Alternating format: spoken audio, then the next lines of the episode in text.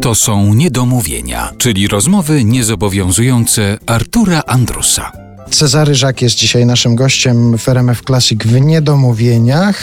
Przechodzimy do spraw, no powiedzmy zawodowych, bo wokół tego jednak będziemy się dzisiaj kręcić, ale nie tylko w tej rozmowie. Szkoła teatralna, przeczytałem, że to był wybór... Drugiego rzutu. Drugiego rzutu, tak, bo najpierw językowe studia miały być, Tak, tak, tak. Najpierw e, ja pochodzę z takiej rodziny nauczycielskiej. Dużo z moich cioć e, i wujków i mama i e, to, to, to byli nauczyciele. I mnie do głowy nie przyszło w brzegu dolnym, małym miasteczku pod Wrocławiem, że ja mogę być kimś innym. Mi się właśnie nawet podobało, że nauczyciel miał wtedy władzę, mógł skarcić ucznia za, za to, że się nie nauczył lub przyszedł w, e, źle ubrany do szkoły. I, I ja wtedy też pomyślałem, że chyba, chyba tak, a ponieważ mama mnie posyłała od małego na lekcję języka francuskiego, więc pomyślałem sobie, no to najłatwiej pójść na filologię romańską, skończyć ją i zostać nauczycielem języka francuskiego, może tłumaczem literatury francuskiej. No ale trzeba było też zdać języka polskiego, na te, bo jeszcze wtedy były egzaminy wstępne.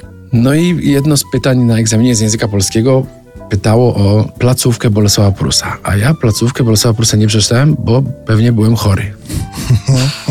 Takie panie starsze siedziały w tej komisji, strasznie chciały, żebym ja się dostał, ponieważ ja zdałem egzamin z francuskiego tam na piątkę, tam jakoś śpiewająco. I chciałem mi podpowiedzieć, no, no więc zapytał mnie, kto był bohaterem głównym placówki Bolesława. Jak pan odpowie, to pan, dobra, zaliczymy jakoś panu. No to wiesz, ale do głowy mi nie przyszło, że bohaterem mógł być facet, co się nazywał Ślimak. Wszystko można było sobie wymyślić od Kowalskiego po Nowaka, A co nie? Ślimak. Nic nie wymyśliłem, no po prostu powiedziałem, że nie wiem, ale one mi tak nawet pokazywały, to w radio się nie da tego pokazać, ale one mi tak pokazywały na stole, także to Ślimak. Ja nie wiedziałem zupełnie, co one mi pokazują. Robak. Ro, ro, robak, ale nie, że takie dwa rogi, wiesz, Mhm. że idź ślimak, wystaw rogi, taki był wierszyk. No ale widocznie byłem za mało inteligentny wtedy i się nie dostałem i super właśnie, że się, znaczy dzisiaj mogę powiedzieć, że super, że się nie dostałem. I dopiero potem powstał pomysł szkoły teatralnej. E, Jeden z moich kolegów z liceum się dostał rok wcześniej i powiedział mi to spróbuj. Robiliśmy taki kabaret licealny, coś tam. To były czasy sprzed internetu i telefonów komórkowych, więc ja napisałem list do szkoły wrocławskiej, co trzeba przygotować na egzamin. No i oni przysłali tam po miesiącu list, że to trzeba to, to i to i to. No i się nauczyłem. Nauczyłem się śpiewać... E, bo trzeba było dwie piosenki przygotować. Jedna była jakaś ludowa, to mi mama podsunęła, ponieważ mama uczyła, jeszcze wtedy był taki przedmiot w szkołach, wychowanie muzyczne. Mama tego uczyła. A drugą sobie pomyślałem, że zaśpiewam coś śmiesznego, bo on powiedział, wiesz, musi być takie coś śmieszne też. I była wtedy pszczółka Maja. Ja się nauczyłem to, co Zbyszek Wodecki śpiewał.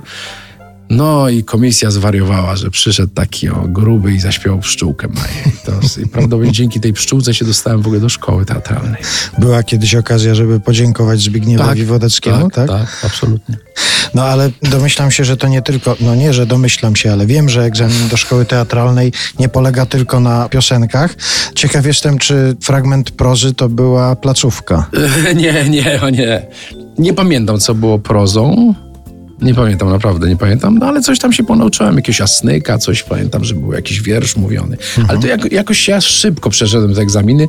Oni mnie chyba bardzo polubili. Poza tym potem się dowiedziałem od Igora Przegrodzkiego, ówczesnego dziekana Wydziału Aktorskiego mm, wrocławskiej szkoły, że, a ja schudłem przed egzaminem bardzo dużo, około 18 kg schudłem, bo jakiś idiota mi powiedział, że grubych nie przyjmują do szkół teatralnych. Więc ja schudłem i wydawało mi się, że jestem chudy już niemiłosiernie. I pamiętam, że Igor Przegrodzki mnie spotkał na korytarzu po egzaminach już jak się dostałem powiedział, no, nareszcie przyjęliśmy jakiegoś grubasa. I się załamałem kompletnie, że myślałem, że jestem chudy i zawsze będę już chudy.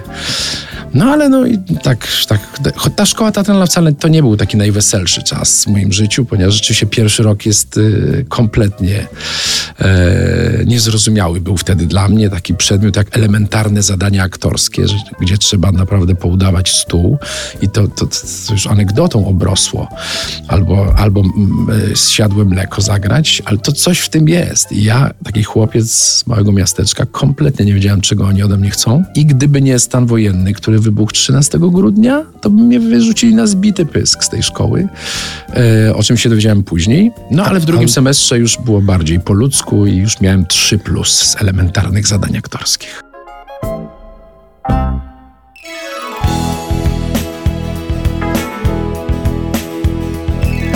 Gdzieś jest, lecz nie wiadomo gdzie.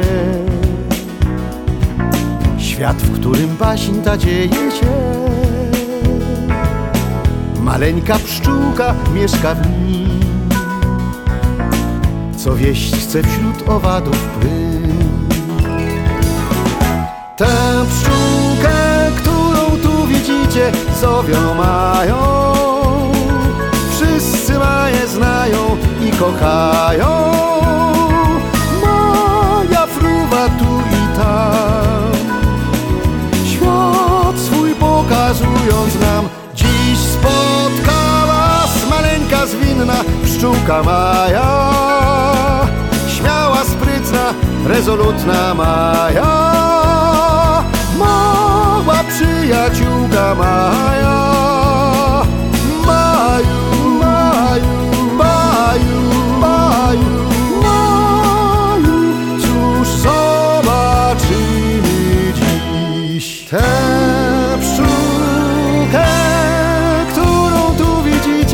Zowią mają. Wszyscy maje znają i kochają